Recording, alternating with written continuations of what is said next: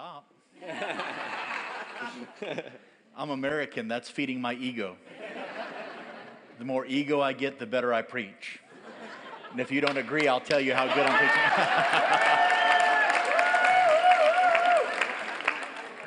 preaching. what a great honor and a privilege to be in, in Norway and to be with you. I just want you to know right up front that I believe you're the most beautiful people on the planet. Amen? That's called working for an offering. No, you're the most beautiful people on the planet because you're God's people. And uh, there's something special, there's something amazing that God wants to do in you, with you, and through you. And I've been so excited to be able to come. Uh, I'll never forget, I was, in, I was actually in Australia. I just landed after, I don't know, 36 hours of flying. I was just in the car on my way to the airport, and I received the text uh, Would you be interested in coming? Uh, it's one of those things you didn't even have to pray about. It was just like, Norway you know? And um, I just heard way, and I said, God's making a way. Uh, and when man said no way, God said Norway, right? Uh, and that's just free. Just receive it right now in, in Jesus' name. Uh, and and I, from that moment on, uh, I've just anticipated. There's been an expectancy in my heart, in my spirit, about what the Lord wants to do here uh, the next few days. And so it's my great honor and privilege just to uh, be a part. Uh, I, I didn't come because I know more than you, I came to discover more of Him with you. And I believe that we're all on this journey, and this journey is the discovery of every day we discover a new measure of His goodness, of His loving kindness, of His glory, of His power, of His mercy, of His peace, and of His love. And uh, man, just the, I just feel God's heart in the room. Uh, and I just want to be wherever He is. And uh, obviously, tonight He's here because we're here. And, and, I like that. Um, let me preface this. Um, in, in, April of 2012, uh, my son and I were in the Netherlands. Um, we are ministering at, uh, at kind of a revival meeting with some friends of mine. And, and while I was there in the Netherlands, the Lord took me into this open vision uh, and the open vision was of Norway. So I'm in Holland, and God starts speaking to me about Norway. And this picture that I saw was I saw all of these like rockets going up in the air out of Norway. And I knew they weren't like war missiles or destructive missiles. But as they began to get up in the air, they just began to explode like fireworks. And it was like I was watching this huge celebration that was taking place, but it didn't just take place over Norway. It like came out of Norway and then went through, uh, went through Western Europe into Eastern Europe, and then began to fill even the continent of Africa. And what I felt was this: is that the Lord is about to release a sound of celebration, and that sound of celebration comes when, when something significant happens in the spirit. See, I believe this the moment you've been waiting for isn't coming, it's here. And there has been a word that was spoken before the foundations of the earth that the Father spoke before one particle, before one piece of, uh, of, of, molecule or cellular makeup or anything was created in the earth. There was a dream that God had for Norway, and you're about to step into it. I believe that you're not just a peacekeeper nation, you're a peacemaker nation. Blessed are the peacemakers, for they shall inherit the earth. How many know you don't need peacemakers in times of peace? You need peacemakers in times of war. And what I feel is this is that there is the, the Prince of Peace is about to be poured out through Norway like never before. That you're no longer going to be known as a land of warriors, you're going to be known as a land of worshipers. And I believe there's a wind of worship that's going to blow out of this nation that's going to begin to sweep through Scandinavia. It's going to begin to sweep through Europe and Africa and into America. And I believe the Lord is really awakening the Norwegian voice. He's awakening the prophetic voice that has been silent and in some ways been silenced. So I believe there are prophetic people that have been almost put in caves or they've been in the shadows because they've not felt permission to say what God was saying now. And the Lord is calling many prophetic people in this nation out of the shadows into the forefront. I, I love watching that there's open heavens conferences in, in February and in August and uh, in, sep- in September. I love being a part. I, I'm honored that I'm invited as an American to speak to you. But let me say this to you America needs the Norwegian voice. And that this is going to be a nation that exports the anointing and the glory of God. That there is a sound that is going to be significant to what God wants to do in these last days. Before every move of God, there's a sound from God. There, there's always a sound before a move. And it's like I felt tonight while we were worshiping that I heard that sound. It, it may not be fully here yet, but it's coming. And I just feel like there's a wind from the west. There's a wind of worship coming out of the western part of Norway that's going to begin to sweep through. And at the same time, I believe there's about to be a light and a fire that's coming from the north. That God has positioned you locally and globally in this season and in this hour to see God do the spectacular. He's moving us into a season that is simply phenomenal. It's going to be both unexplainable and unavoidable. I just saw the face of my, my good friend Paul Manwaring up on, the, up on the screen. And one of the favorite things I ever heard Paul say was, while we're giving the earth an explanation, they're starving for a demonstration. The world is hungry for the demonstration of the Word of God, the demonstration of the power of God, the demonstration of the love of God. But instead of what they're, they're really getting is explanation. We're trying to teach them instead of show them. What I love about Jesus is everything.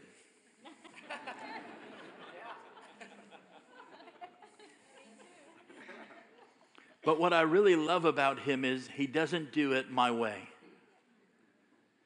Every day he surprises me because every time I think I have him figured out, he changes. I'm always perplexed by Hebrews 13 and 8. Jesus Christ, the same yesterday, today, and forever. He's the same, but always changing. He's always changing me, He's always changing you. You can come to a meeting and leave the same, but you cannot encounter Jesus and walk out the same. If you come to a meeting, you might get a goosebump, you might have an experience, but when you encounter Him, everything changes. And I believe like that the Lord is welcoming us into a season. Well, welcome to the season that everything changes. We're moving into that time. We're moving into that space that God wants to, to catapult. I, I believe that this nation is going to be a catalyst nation. It's like a launching pad to, to accelerate people into destiny, into calling, into purpose. It's not a bad place. The food's pretty good. I checked it out. the weight of my heart's through my stomach. The, the pastors realized that uh, an hour after I landed, they're like, let's feed this guy so he preaches really good tonight. And, and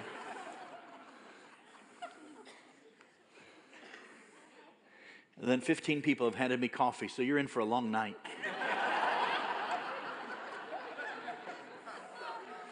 My body thinks it's seven hours behind, so you're at one o'clock in the afternoon, and uh, schedule said I'm here till 10, so you figure that one out. Uh, and I hope you get one thing more than anything else. I hope you understand that the reason I'm here is because I love you, and there's nothing you can do about it. Oh, I'm going to make you love me by the end of the weekend. I mean, look at this. What's not to love? He's handsome, he's humble.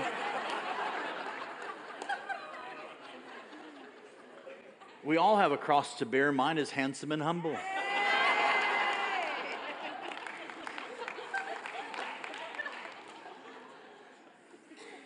Y'all aren't what they told me you were. They said, Y'all are going to be stoic and stare at me and not smile. I thought I was coming to a place that was baptized in lemon juice.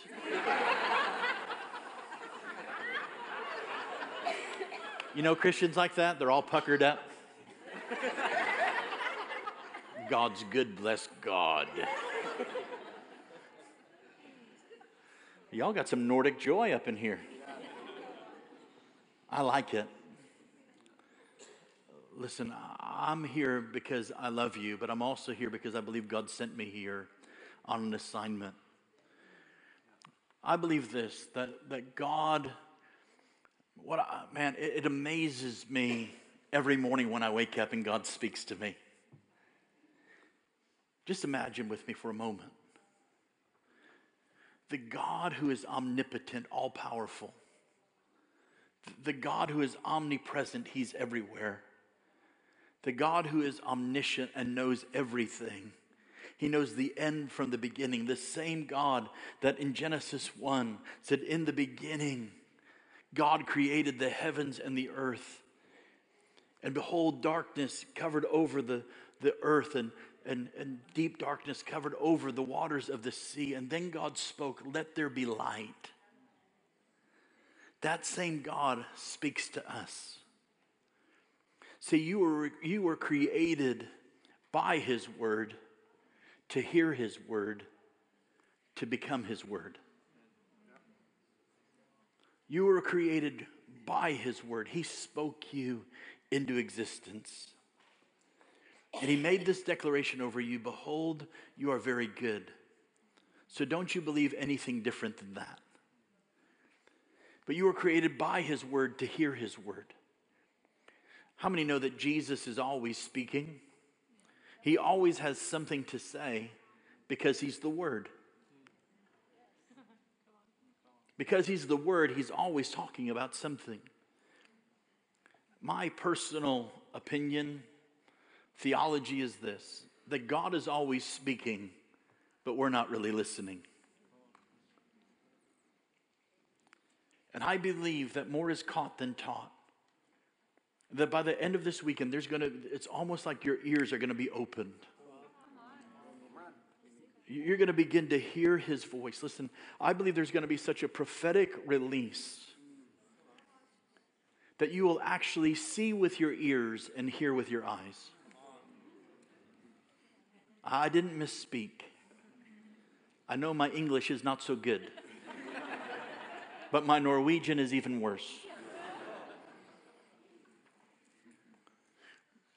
He wants you to be able to see with your ears and hear with your eyes. That when you hear him speak, you'll actually see it. And when you see him doing something, you'll actually hear about it. Here's what the Lord wants to anoint you with He wants you to see through the lens of love.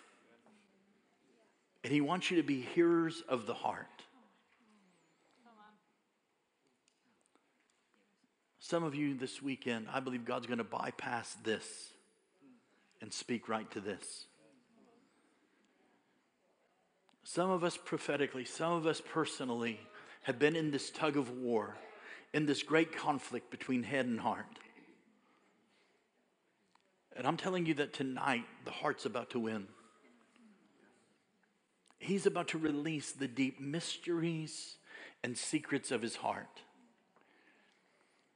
The Lord spoke to me on the plane ride here. He just simply said, I'm about to manifest Deuteronomy 29 29. It says these words that the secret things belong to the Lord, but that which He reveals belongs to us and our children's children forever. There's a legacy of revelation that God wants to release in this place like never before. How many know that Jesus is a builder?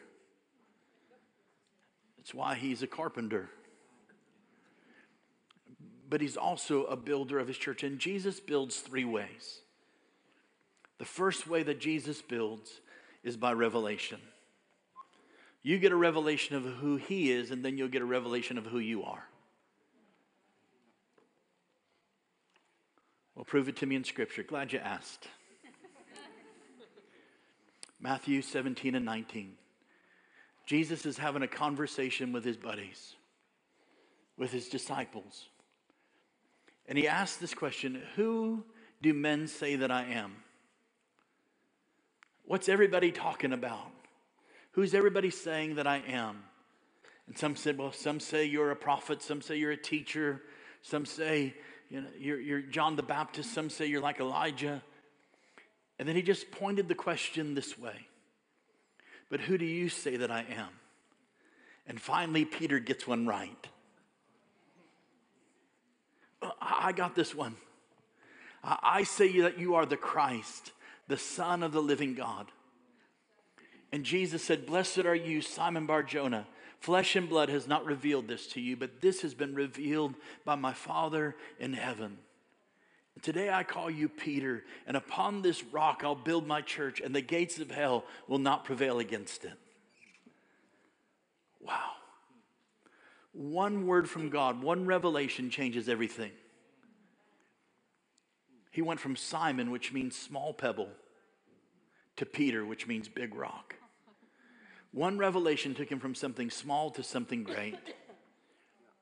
And he said, Upon this rock, not on Peter, but upon this rock, upon that rock of revelation, I will build my church, and the gates of hell will not prevail against it.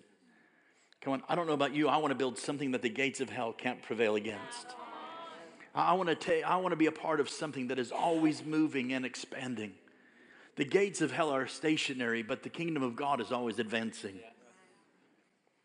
And I believe right now that you're about to get such a revelation of, of who He is and who you are. Come on, there, there's the anointing. He wants to release the spirit of revelation, knowledge, and wisdom.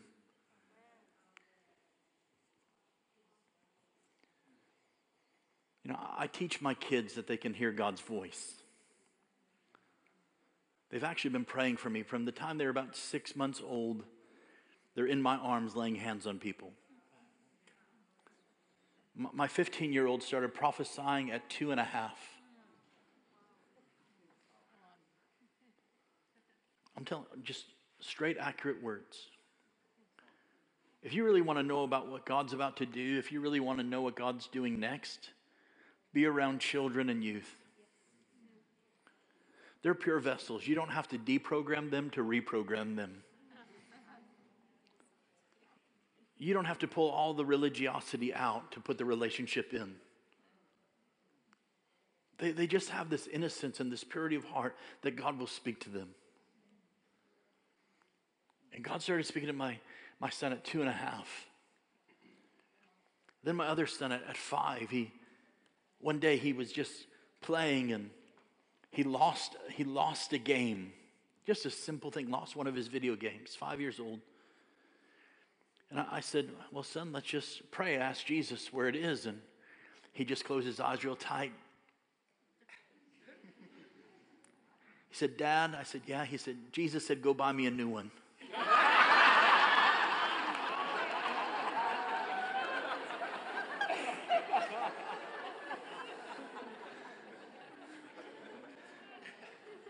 His first false prophecy.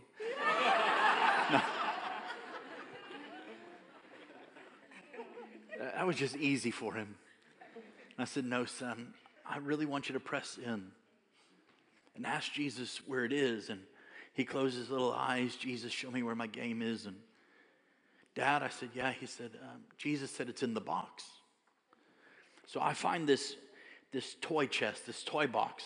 That's what I think Jesus is talking about. And I pull every toy and everything out of there, and there's not the game we're looking for. I turn the thing upside down. There, there's no other box in the room. And, and I'm fretting a little bit. I'm, I'm saying, come on, Jesus, don't, you know, I'm trying to teach my son how to hear your voice. And my son just watched me to do all of this stuff. Like, I watched me to go through all of this work and all this trouble. And after I was done, he said, Not that box, Dad. the box you moved into the garage earlier today. And I went out to that box, and underneath all of the cardboard and all that stuff was the game. Now, now, you may think that's just simple and happenstance and coincidental, and does God really care about that? Listen, if it matters to you, it matters to Him. Why, why am I sharing this with you? The kingdom is so complex, is so sophisticated that the only way to understand it is to become like a child.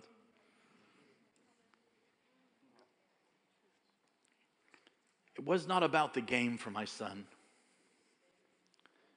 My son did not care about the game. But at 17 years old now, what he talks about is I heard God's voice. And God cared about me in that little thing, so he cares about every area of my life. Some of you right now, God is coming to deprogram you. And he's about to release downloads of his heart, of his revelation. He is interested in every area and aspect of your life. I'm convinced of it. He builds by revelation. Number two, he builds by relationship. Everything God has done, is doing, or will ever do is out of relationship. You will not build anything great in the earth outside of relationship. Because you may start well on your own, but you will never finish well on your own. In fact, I will never be fully me without you, and you'll never be fully you without me. Because we need each other. I need your gifts to be complete. I need your revelation. I need your knowledge. I need your wisdom. I need the fact that you walk in healing and that you see miracles to complete who I am. Because we really are better together. I heard Leif Hetland say this two weeks ago. He, he said, You cannot cast out an orphan spirit because orphans have to be placed in homes.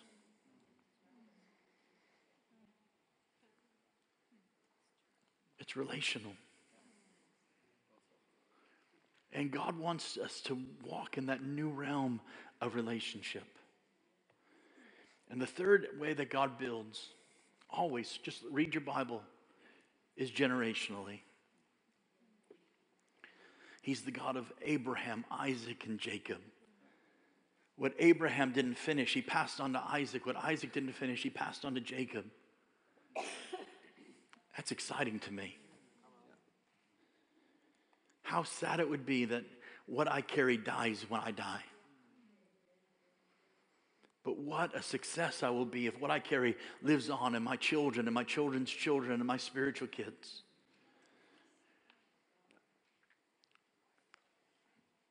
Every week in America, hundreds, maybe thousands of churches close. Because they did not build something for the next generation. I was in Africa, I was out in the bush about a year and a half, two years ago. And, and as I was out there, man, there were all of these fields of, you know, the dirt looked amazing. There, there were fruit trees, there were Uh, all kinds of fertile land. And yet at the same time, there were all these people with swollen bellies and they were malnourished and they were hungry. And I said, Lord, how could it be that all of these people are hungry? Look at the land. He said, Son, because they viewed themselves as the terminal generation. And they consumed everything just to survive and just to live for today, and they made no preparation for the next day. It's what the church does. If we're building something just for us, for our comfort, for our preferences, for the way that we like it, it will die when we die. But if you will see to the next generation, to the generation after that, you will be a part of building something that will not end until He comes again. Come on, I love that book. I'm going to get it and I'm going to learn Norwegian while I read it. I'm, I'm serious, man. If I get sick, I just find a kid. Because they don't pray crazy religious prayers like they're in the casino in Las Vegas. Oh Lord, if the numbers are right and if everything lines up correctly, Jesus, If it be thou thy will, Lord. You know, and just kind of just, oh, not your day today, I'm sorry. I get around kids and they say, Jesus, we know that you are the healer, that you heal. By your stripes, we are healed. And so, Lord, I just thank you right now for David. And Lord, I just declare right now he's healed. I want people like that praying for me. I get around kids who, who just believe, they don't believe anything else. They just know that He is and that He does. And I feel that rising again in this room. You know what you're going to be a part of? Restoring the beauty of innocence to Norway. I felt it so strong landing here today. He said, I am restoring the innocence to this nation everything that had been perverted, everything that had been corrupted, everything that had been uh, mis, uh, misinterpreted and just kind of boxed in in some religious box. I'm about to restore the imagination and I'm about to restore that innocence again. Can you imagine what would happen? I think you'd be a nation that sees the Lord. Blessed are the pure in heart, for they shall see God. Could it be this generation? I'm prophesying to you that it is.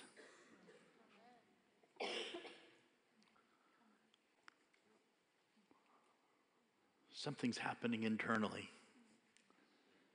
More is happening in the spirit than you can even see or feel or recognize right now. I hadn't even got to my message yet. This is pretty good. Come on, I just believe he's up to something amazing. I love this idea of open heavens. I know a lot of people that are trying to break through, like, God, open up the heavens. They're already open. Hadn't stopped raining since I got here. I don't think it's going to stop raining tomorrow or the next day. I just, in worship, I, just, I just John to this amazing story in, in Matthew chapter 3 and 13. Jesus sees John the Baptist baptizing in the Jordan River. Remember that story?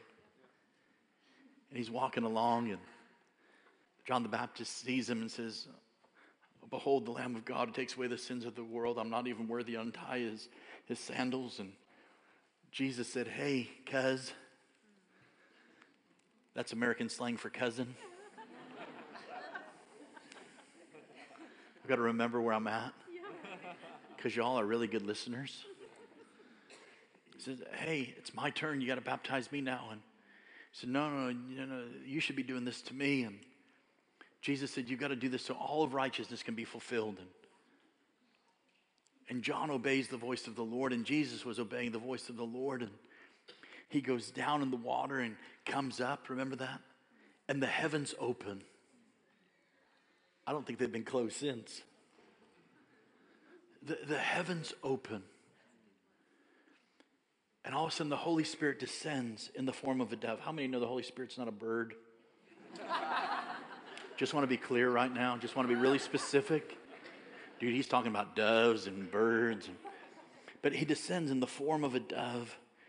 It said he descended and he uh, uh, alighted upon him. He put a big spotlight on him, rested upon him. And a voice from heaven, the voice of the Father said, Behold, this is my beloved Son, in whom I am well pleased. How many know that wasn't just a little small voice in Jesus' little belly? Wasn't something that he just heard within himself. It wasn't a whisper that only him and John heard. But that word got spoken, and everybody around heard. Behold, this is my beloved Son, in whom I am well pleased. I love that. I don't just love what he said, I love when he said it. You know when he said it? Before Jesus did one thing. Up until that moment, he's just Joseph and Mary's son. He's a great carpenter, a good friend, and a good brother. before he turns water into wine. It's before he casts out his first devil or heals the first sick person. before one blind person gets their sight, before one deaf person hears, before he goes to the cross, before he rises again, before anything. You want to know why? Because it had nothing to do with his performance, had everything to do with his person. And when you hear the Father speak over you, it will set you free from performance. It will set you be free to be really you. I am perplexed by this scripture. For the joy that was set before him, he endured the cross. If I knew a cross was coming, I'd be praying a lot earlier than Jesus did. Lord, remove this cup from me if it's your will. Like, as soon as I saw it, I'd be like, beam me up. 10,000 angels, let's go. But for the joy that was set before him, aren't you glad I'm not Jesus? I'd have messed up the whole thing. For the joy set before him, he endured the cross. I had this vision or dream. I don't know which it was, and you can figure it out. But I have this vision, and Jesus mangled and, and, and beaten, bloody beyond recognition. And in the midst of the blood and the tearing of flesh, I, I saw his teeth that remained just smiling. And I said, Lord, how could he be smiling? He said, Oh, he saw you, but he was remembering what I said to him. This is my beloved Son, in whom I am well pleased. I think that affirmation got him through every betrayal, through every denial, through every accusation, through every trial, through every test. Every one of us needs a word over our life. Every one of us needs to discover what God said before the foundation of the earth. And when you discover that, all oh, this present darkness, this trial, this hurricane, this storm, this attack, all of those things don't really matter because I've got a word from God. I'll talk about it more tomorrow in my seminar, but sometimes all you have is the word of the Lord. But if you have the word of the Lord, it's more than enough. And some of you are running on empty. You thought, man, if I could just get this, if I could just get this job, if I can just get to this meeting. No, no, no. All she needs is a word from the Lord. Well, Dave, can you give me that word? Maybe. But how much better would it be that if you just leaned your ear towards the heart of God and heard him speak to you tonight? Revelation, relationship, generationally. Come on, I believe He wants to pour out. He wants to do something that is so beyond anything that we can understand, anything that we can figure out, anything that I can know about. Come on. You can't figure God out. You know, if you knew how this meeting was going to end before you got here, you should have just stayed home and watched it online. Save the gas or plugging in your electric car.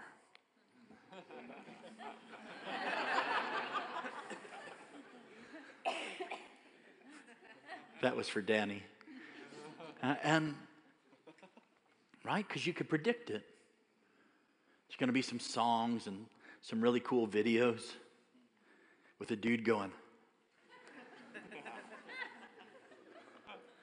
right? You're going to hear about the Kindness Project. That's awesome. I wouldn't speak, understand a Norwegian. People were interpreting for me. That's how I knew.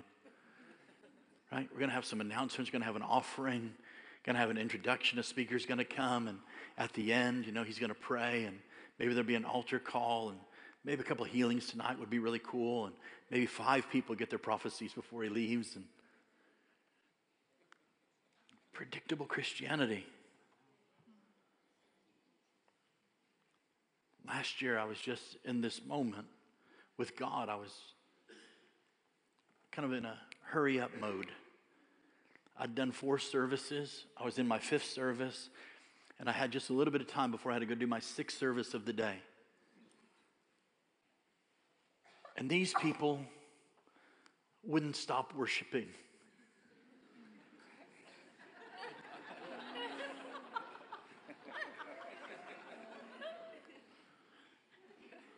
Lost. You're so good, God. Singing songs and crazy Americans waving flags. And if you got the flag ministry, you need the healing ministry.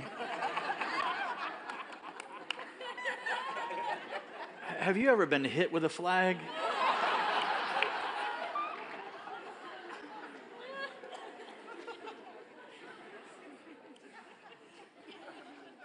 I have. And it hurts. And these people are like, know, I'm expecting three fast songs, three slow songs, a song for the offering. And then I'm going to get up and drop my prophetic word on them and preach and watch the time because I've got to get to the next meeting. And then somebody gets the bright idea I feel like we're supposed to do communion. the nerve of these Christians acting all spiritual, letting God take over when the man of God has something to say.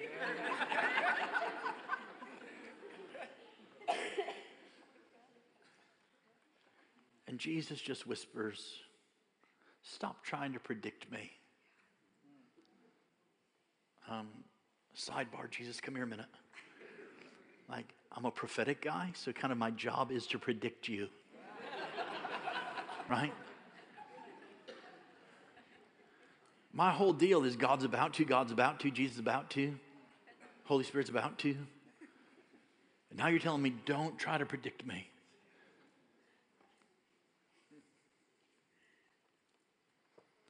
What if we stopped trying to predict him and just partnered with him? What if I stopped just trying to figure it out and follow the formula and I just got into the flow? And I just went wherever he wanted to go. See, I've discovered this. I can either work for him or I can work with him. And working for him is all right, but working with him is a whole lot of fun. Come on, there, there's about to be a flow that's about to bring you into a greater force of his power than ever before. I, feel it like never before. Don't try to predict him. Let God take over. You know, there's a, a scripture, 1 Corinthians 12. You ever read it?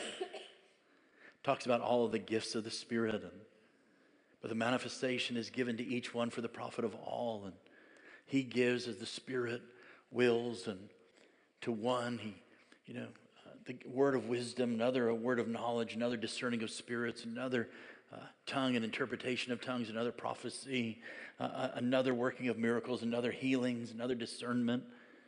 And there's all of these great gifts.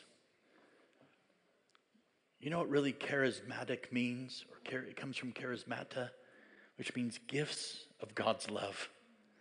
Who wouldn't want that? Man, when you're flowing in healing, that's a gift of God's love. I want it. If you're prophesying, that's a gift of God's love. I'll take some of that. You got a word of wisdom, a word of knowledge, man, I want that. Because He's not going to withhold His love from me. I want all of it. And He's laying it all out. And He's like, let two or three prophesy, let two and three speak in tongues, and another two or three interpret. And if nobody's there to interpret, the person given the tongue should interpret. And then you get down to about 1 Corinthians 12, around verse 40, 41 in there. And it says, And let everything be done decently in order. And if you're a cessationist, if you're one who said the gifts and stuff aren't for today, you're like, you can't have that because you can't predict it, you can't control it, so we just quash it down.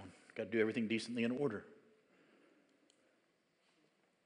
But really, what it means is this our meeting should be so filled with the move of, of, the, of God, so moved with the gifts and the manifestation of the Holy Spirit that you can't even fit it all in. Because there's not enough time in the day. So the pastor's main job is, is simply to be the traffic cop. Right this way. Oh, yeah, prophetic word right here. Oh, little healing over here, word of knowledge over here. When's the last time we had a service like that? Sure, it happens here more than I, I, I know, but can I tell you something? Here's the question the church in Norway is going to have to answer. The National Church, the Lutheran Church, the Baptist Church, the Pentecostal Church. What will we do with a God who's out of control? What do we do with a God who doesn't do it my way? I drove by, I noticed a Burger King in town. Their motto is, you can have it your way. You ever ask for the burger on the outside and the buns inside? They'll do it for you. Ask me how I know.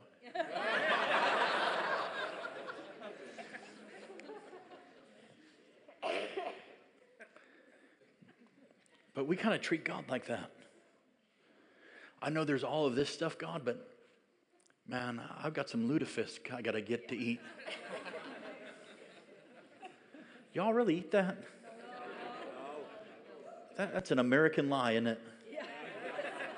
It's something we made up that y'all eat that at Christmas. I, I rebuke it in Jesus' name. I smelt it once. I'm like, why would people eat death?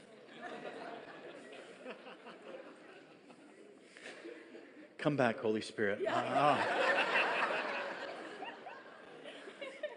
that lutefisk spirit hit me, and I got all confused for a second.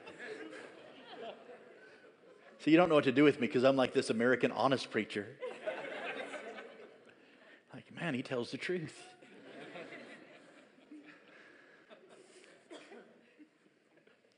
I should probably repent right now, but I'm not going to. I'm going to wait till I get to my room, then I'll repent of it. And I told you you're going to love me. And the seven who didn't want to already left. As soon as I said prophecy, man, they were gone. Uh, no, I'm just kidding. Only three. Uh, and um,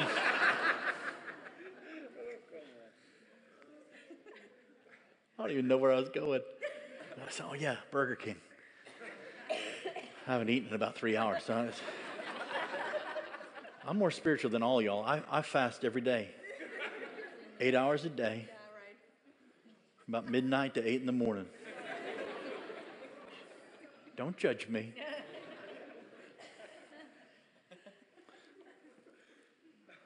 Really, come back, Holy Spirit. I need you right now. Okay, I got it. But we treat Jesus like Burger King. Lord, we'll have two prophecies, three healings, four testimonies. Don't ask me to give too much, Lord. And I'd like to be out by about 12:30 because that's when the roast is ready. But what if we just got hijacked by the Holy Spirit? What if he just came one day and just nobody could leave? What if we had a Solomon dedicating the temple day? Where the presence and the cloud of God's glory fills the temple and nobody can move, preach, say anything. Are you, you're crazy American? No, no, no. I'm just dreaming with God.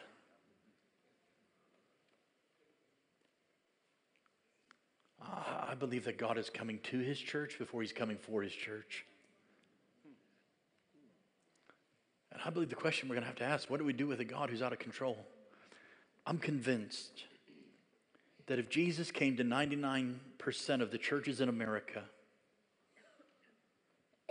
they'd ask him to leave. Because he's not coming as I want him to be, he's coming as he really is. I pick the parts that I prefer about him. I was just thinking about that. We were singing, Our God is the lion, the lion of Judah.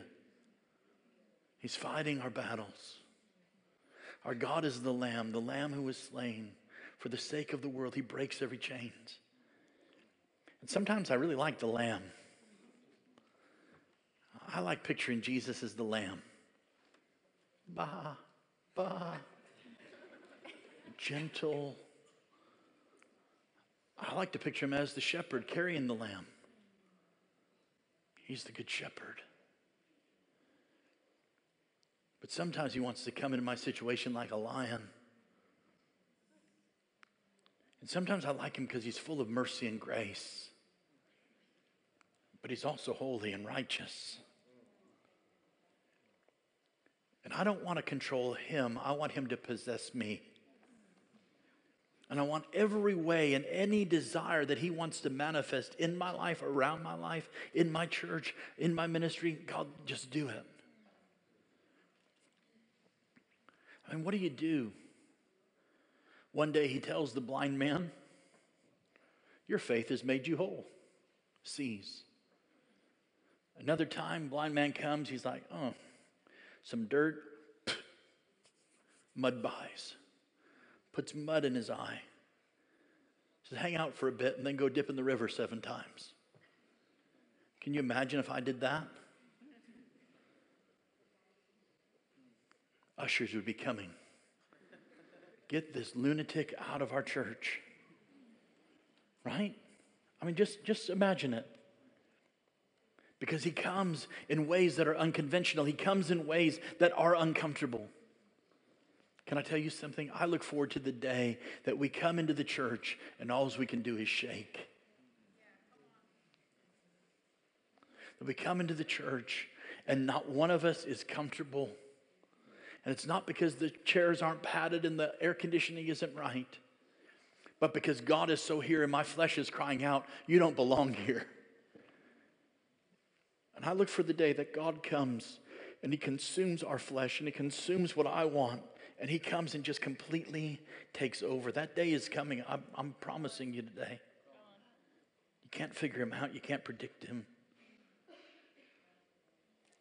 How many know it's really good? It's really dangerous to get really good at what you do. If you're a good musician, it's really dangerous to get really good at what you do. If you're a good businessman, it gets really dangerous to get really good at what you do. If you're a good preacher, it's really dangerous for you to get really good at what you do. Because when you get really good at what you do, it produces a comfort zone. And the comfort zone produces the sin of being average. That's why most churches are just trying to maintain. When God's trying to release explosive growth, explosive power, explosive words. See, God would rather have you be an amateur in the new thing than a professional in the old thing. And I'm telling you right now, there is something new on the horizon. That this is an Isaiah 43 19 year for this ministry, for this nation, for the church of the Lord Jesus Christ in this country. Behold, I come to do a new thing. I tell you something? He's about to do things that you don't understand. But just because you don't understand it doesn't mean it's not God. Because God's about to do things that, that have not been written into the theologies of men. They're not in our canons, they're not in our, our catechisms, they're not in our corporate documents, but they're right here in the Word. And he's about to do things that have never even existed before, that we don't have theologies for. I really believe this when we stop giving people our theology lessons about Jesus and actually start living the life of Jesus, you'll see the world saved. And I believe with all my heart that he's going to do things that have never been that have never happened before. This is your Isaiah 60 season. It's time for you to arise and shine, for the light has come and the glory of the Lord has risen upon you. And although darkness covers the earth and gross darkness the people, the glory of the Lord shall be seen upon you, and even kings will come to the brightness of your shining. When the church starts giving the world something to come to, they'll come.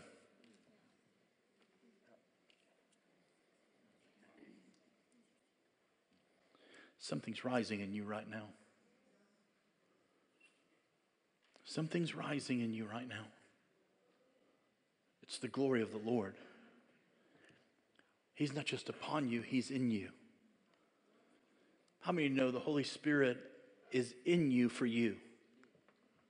but He's upon you for everybody else.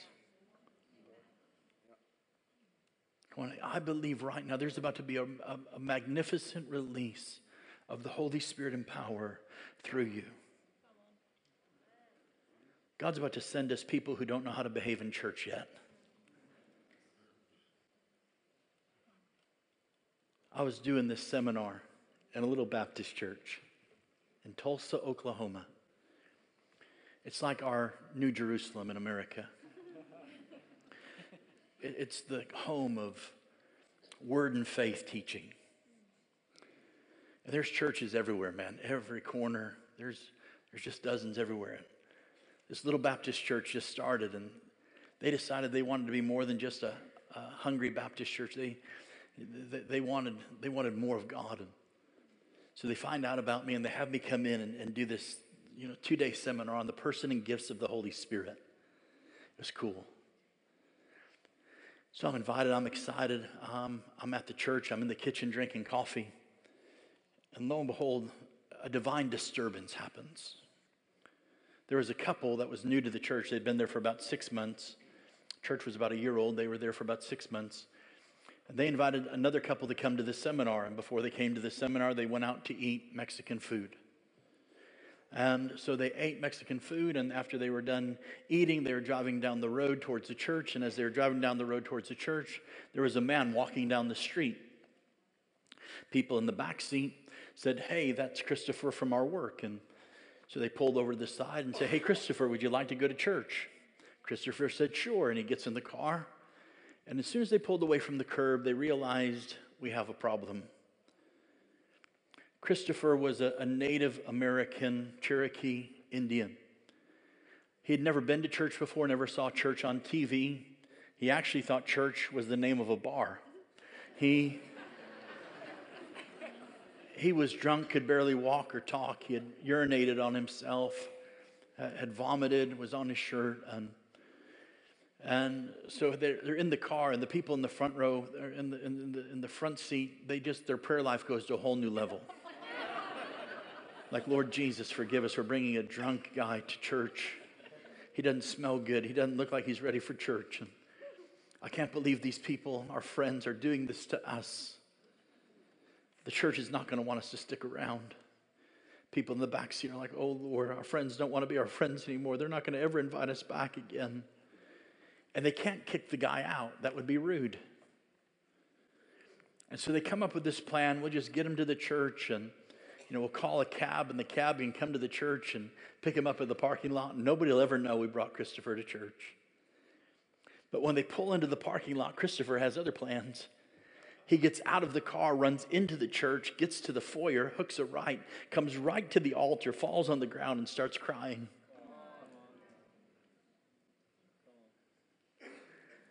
A nice elder came, Elder Jack. And he came and he's like, hey, buddy, what's happening? And come on, I'm going to get you a cup of coffee and I'm going to get you some, you know, we're going to get you cleaned up a little bit. I'm going to get you a cab and you can go home. And how many know that you're not called to be nice? You're called to be spiritual. Now, if you're spiritual, you should be nice. And he just thought, oh, there's a problem. We can't have this in our church because the church, you know, is the church.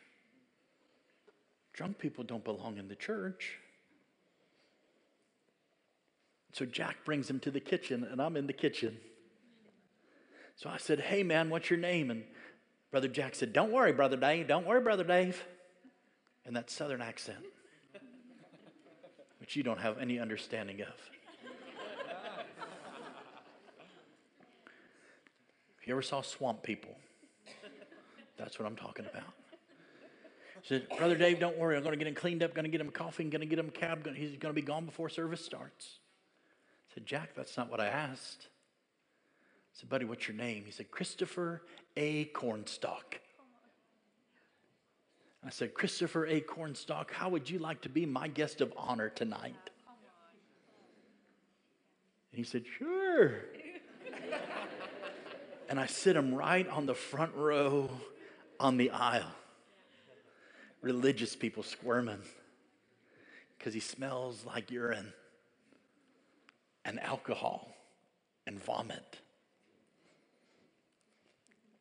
And I'm teaching, and he would just yell out crazy stuff. Like he was speaking like he was Dutch. You know what I'm talking about. Like a Dutchman speaking French, if you get me. He's saying things you shouldn't say in church. He's passing gas. He's burping. And he's cussing. And all the religious people squirming. Then I'm teaching, and Christopher falls out on the floor. Not under the power of God. He was drunk and fell asleep and just tipped over. I got to stop teaching, pick Christopher up, put him back in the chair. I wish I had some straps or something. I teach for like an hour and a half. And at the end, I'm like, hey, Christopher, you want to give your life to Jesus? And he said, sure. And I said, good, okay, lift your hands because it, it's not going to stick unless you feel like you've been held hostage, right?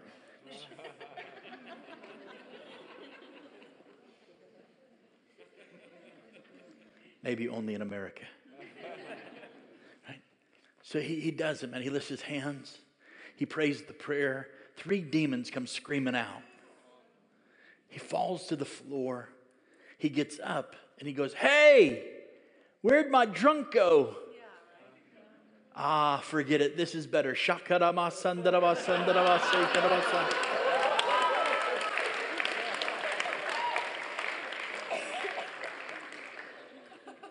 I got a little offended because I wasn't teaching on tongues until 2 o'clock Saturday afternoon. Listen, drunk, crazy guy, filled with demons, gets born again and delivered two minutes' time, filled with the Spirit, three minutes' time. He's on the floor, you know, doing the Holy Spirit, whoa, whoa, whoa. right? And then he gets up and freaks me out. He starts singing to me. He starts singing a prophetic word over me about the Lord taking me back to the land of my roots where my grandparents came to America from. I see windmills on fire, wooden shoes on fire, tulips on fire. And here's the guy who's never been out of Oklahoma, starts prophesying to me about Holland. He had no idea that my grandfather came to America and grandmother came to America from the Netherlands. Five minutes, man. He went from drunk, crazy demon guy to born again, delivered, filled with the Spirit, prophesy. We got done. We got done with the meeting, and I, I, I took him to IHOP not International House of Prayer. We were done being we were done being spiritual. This was International House of Pancakes. Mm.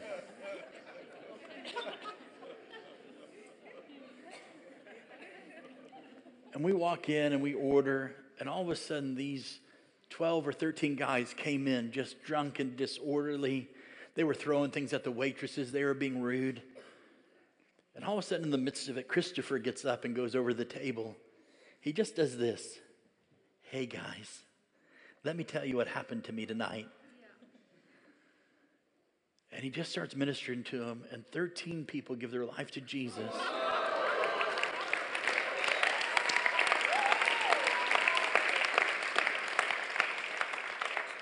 That's what happens when Jesus comes, to church. And that's what happens when people who don't know how to behave in church yet come to church.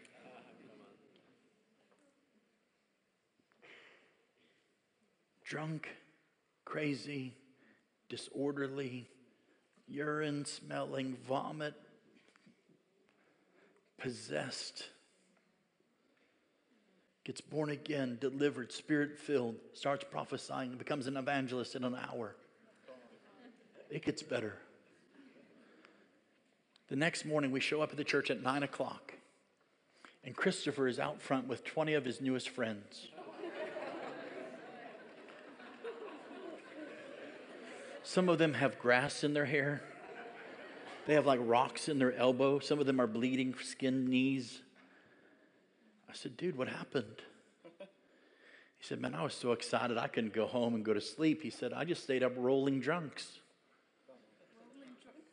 He, he went out to where the bars were, waited for the bars to close, and he started bringing people to the church. If they couldn't walk, he just started rolling them. true, true story.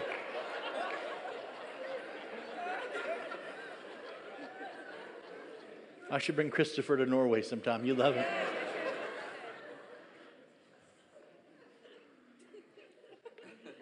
You know what happened? He had an encounter with the love of God, connected to the demonstration of the power of God, and it changed everything for him. He didn't wait to go through my nine month program of discipleship, although it's really good. He didn't grow through my growth track to become a worker in the church. He just immediately became a worshiper and a prophetic voice and a deliverer and a minister and a preacher and an evangelist. And there was nothing I could do about it. It completely messed with my Dutch Reformed theology.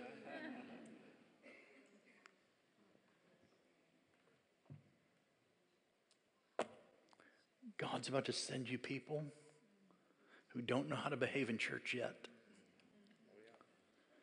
They may be the roughest people in your city. They may be the most tormented immigrant that just came as a refugee. They may be the, the, the, the, worst prodigal you've ever seen or had. And when they come, I hope you remember the story. I hope you remember the story. I'm getting ready to close, which means you have 17 minutes left.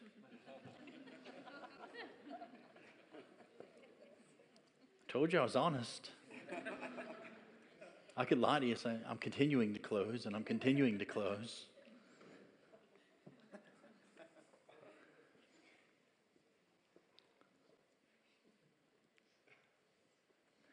I've been praying this crazy prayer since February. Here's the prayer. I pray it every morning and I pray it before every service. I prayed it in the prayer room tonight. Jesus, come disrupt, interrupt, and instruct. And here's why I've been praying it since February. I was in Melbourne, Australia, teaching at a school of ministry. While I'm teaching, and I'm teaching really, really good, best thing I ever taught until tonight. By the way, I'm writing a book humility and how I attained it, pride and how I overcame it, and how you too can be like me.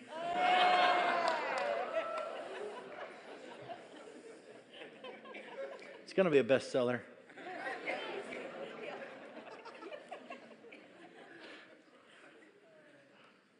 Just making sure you're still awake. And I'm teaching. I'm about 20 minutes into my session. And while I'm teaching, I'm teaching just by a table like this. That's why it made me nervous tonight. And I get hit in the chest with a paper airplane while I'm teaching. This isn't primary school. This isn't even secondary school. This is Bible school. Hit in the chest. I used to be a teacher, I used to be an assistant principal. The best way to deal with a kid like that is you ignore them. So I tried to stay teaching. And this little voice pipes up Hey, Mr. Wagner, aren't you going to read it? And everybody's laughing. Nobody told me about this guy. This guy's name is Josiah. He's, they called him JoJo. And Josiah had Asperger's disorder, type of high functioning autism, and they just kind of do random things and say random stuff at awkward times. And he's like, Aren't you going to read that? And I said, What is it? He said, God told me to give you a word and to send it to you airmail. So I made a paper airplane. I wrote it down. about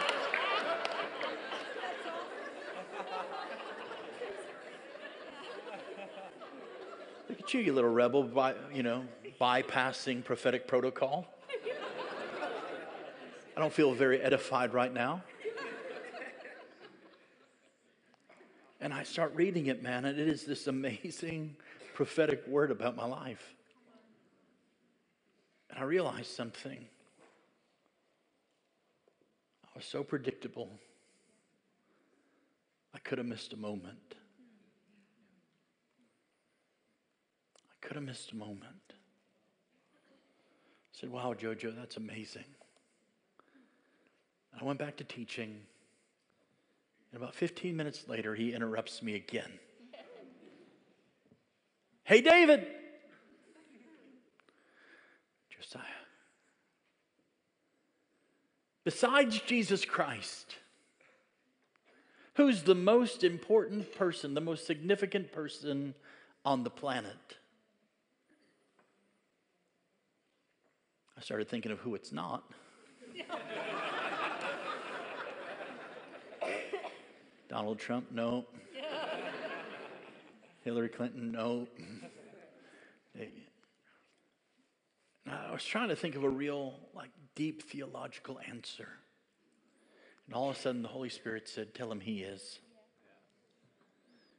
And I said, Jojo, other than Jesus Christ, you're the most significant person on the planet.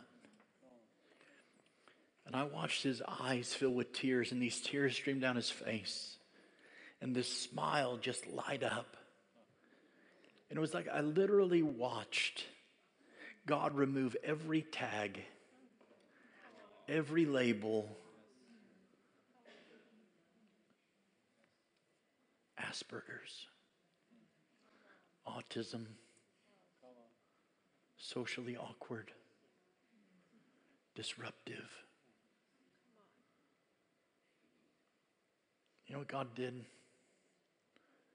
Spoke right into his identity. And it turned into this moment where I just stopped class and I just looked every person in the class in the eyes, called them by name, and said, Other than Jesus Christ, you're the most significant person on the planet. From that moment on, pray that prayer. Because he taught me more in that moment than I've taught you in the last hour and a half,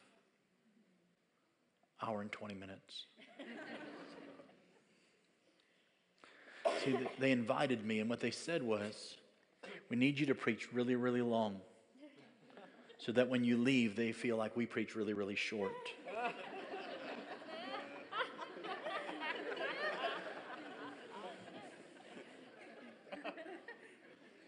That didn't happen.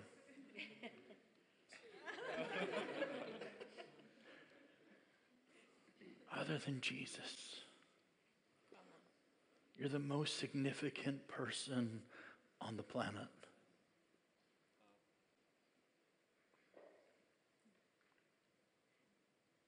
What a word.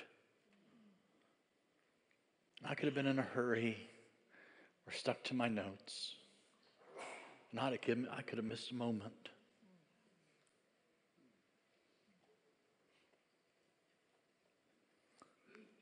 There was a girl, a teenage girl in our church. She was wild, man. In trouble. And her mom makes her go to an encounter weekend. Like, it's not going to go well for her or for me leading it. She doesn't want to be there. Whole weekend, she's just like this. People try to talk to her, she just cusses them out. She leaves, she disappears for a bit, comes back, and I like this though. You, you know what I'm saying? I, I like when somebody does this to me because it's real. This doesn't mean I have walls up. This means come and get me, but it better be real.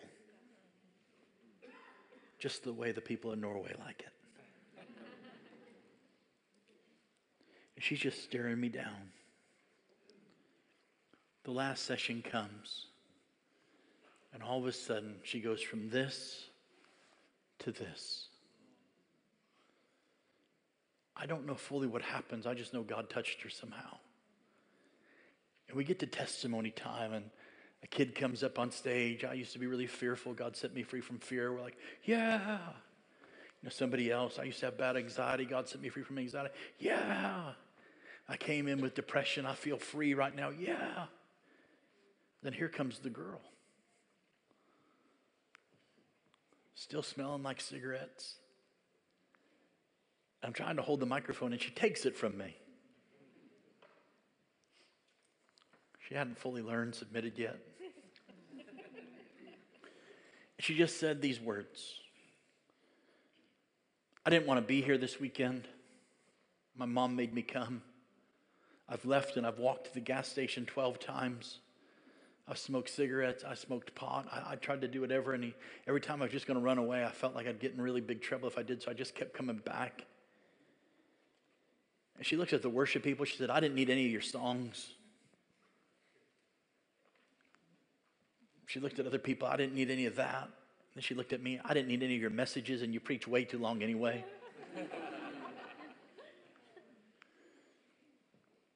then she talked. She said, I was just sitting there. As I was sitting there with my arms folded, like I felt everything within me just finally give up. And I felt this love come crashing into my heart that I've never felt before. She said, I didn't need your song and I didn't need your sermon. All I needed was a moment.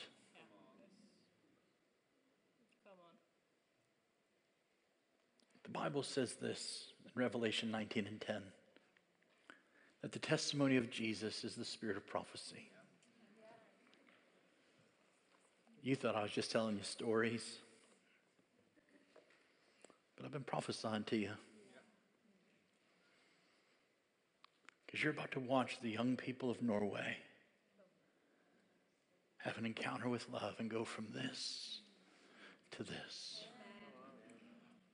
Because all they needed was a moment. And I'm telling you right now, there is coming momentum out of this moment.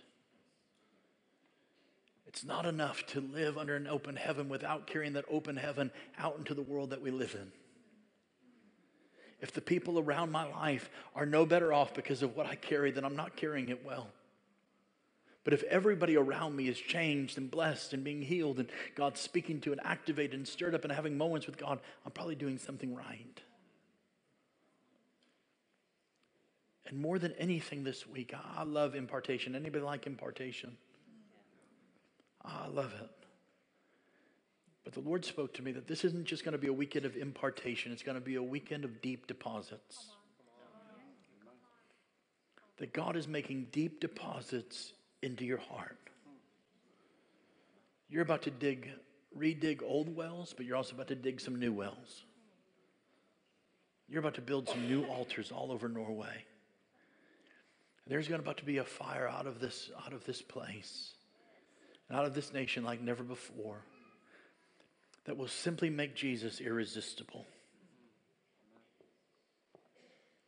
Ah, I feel it with all my heart in the room. I don't know if I'm making sense to you tonight. Maybe I'm just preaching to myself. But there is something being unlocked in the room for your life tonight. Some of you, right now, when I was telling those stories, faith began to bubble up. Because if Jesus can get a hold of Christopher A. Cornstalk, he can get a hold of my son. He can get a hold of my daughter on drugs. He can get a hold of my angry teenager. He can get a hold of my atheist brother or my sister. Hope's begun to rise. Someone in this room, by the end of the weekend, is going to get a phone call from a family member you haven't heard from in six months. I'm prophesying to you right now. God has saved the best for last of this year. that God has taken you from the waiting room into the delivery room. The promises that you've been waiting for and waiting on are about to be delivered to you. That this is going to be a season of great redemption where God's going to redeem families and He's going to begin to redeem opportunities. He's going to begin to redeem callings. He's going to begin to redeem ideas and dreams. And some of you, the greatest thing of all, He's about to redeem time.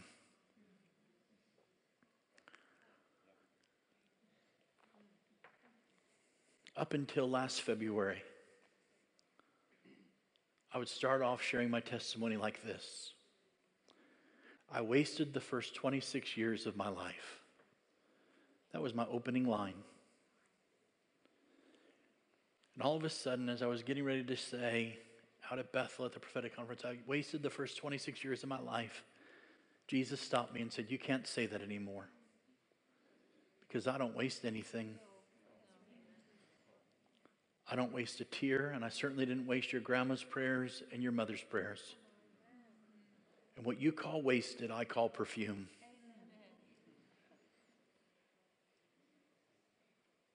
Some of you right now, what you thought was wasted, God's turning into perfume. Wasted time, wasted years, wasted relationships, wasted opportunities. I smell perfume in the room. I smell perfume in the room.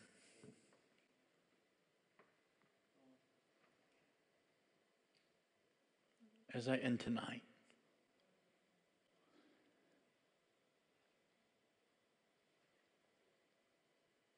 God wants to open, He wants us to be a season of open doors for overcomers. And I feel the overcomer anointing in the room tonight. I feel like many of you, weariness is about to come off.